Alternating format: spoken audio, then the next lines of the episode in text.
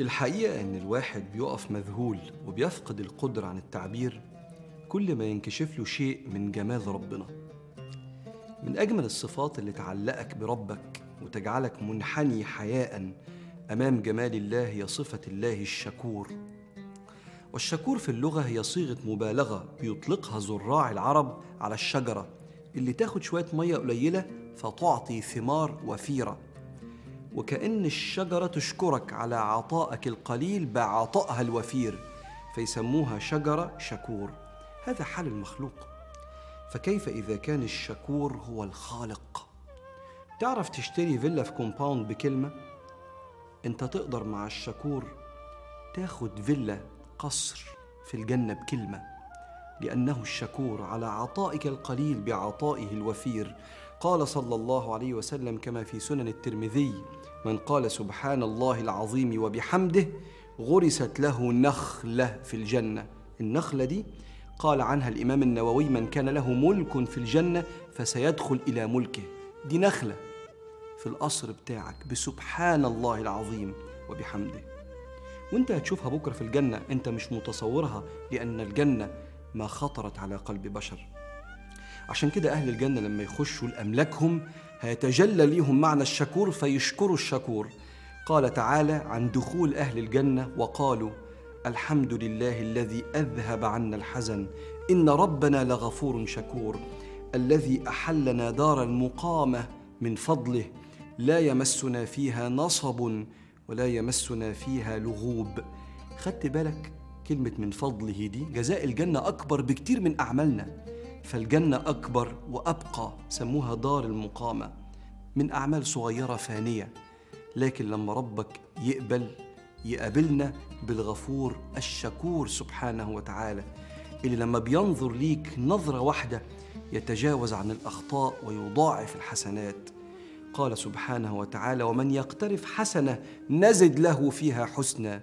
إن الله غفور شكور. فلا تستغرب. من دهشة المؤمنين من ثقل موازين حسناتهم بسبب وجبات إطعام وجنيهات الصدقة وركيعات بالليل. ده إذا كانت تمرة يوم القيامة هتلاقيها في الميزان قد جبل أحد والتسبيحة بتغرس نخلة في الجنة. فعلا لقد ربحت تجارتكم يا من تعاملون الشكور. بسم الله الرحمن الرحيم. إن الذين يتلون كتاب الله وأقاموا الصلاة وأنفقوا مما رزقناهم سرا وعلانية يرجون تجارة لن تبور مش هتضيع. ليوفيهم أجورهم ويزيدهم من فضله. إنه غفور شكور. ومن معاني اسم الله الشكور هو اللي بيثني على إحسانك بذكره.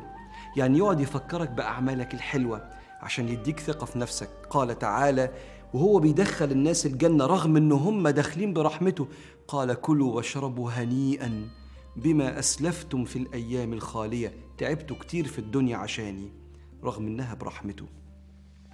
ويتوقف عقلك انبهارا عند الشكور في تفسير آية لئن شكرتم لأزيدنكم.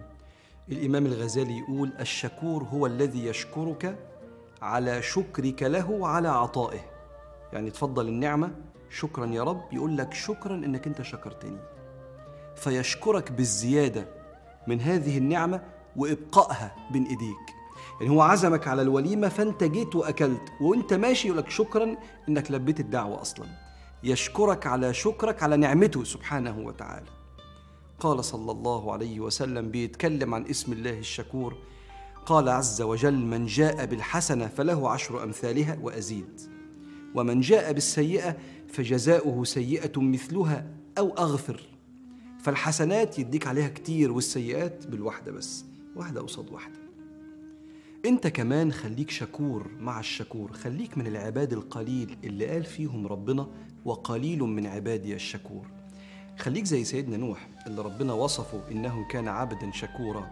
فيقول الإمام القرطبي في تفسيرها كان نوح إذا أكل يقول الحمد لله الذي أطعمني ولو شاء لأجاعني وإذا شرب قال الحمد لله الذي سقاني ولو شاء لأظمأني وإذا اكتسى لبس قال الحمد لله الذي كساني ولو شاء لأعراني وإذا احتذى لبس جزمة يعني قال الحمد لله الذي حذاني ولو شاء لأحفاني وإذا قضى حاجته قال الحمد لله الذي أخرج عني الأذى هو شايف نعمة ربنا مش واخدها كده كأنها مضمونة. وخليك شكور مع الخلق احسب كم مرة. قلت للناس المقربين منك شكرا من قلبك حتى على أعمال صغيرة أو كبيرة عملوها علشانك سمعهم كلمتين عن إحساسك بفضلهم عليك. كده أنت تبقى شكور مع الله وشكور مع الخلق.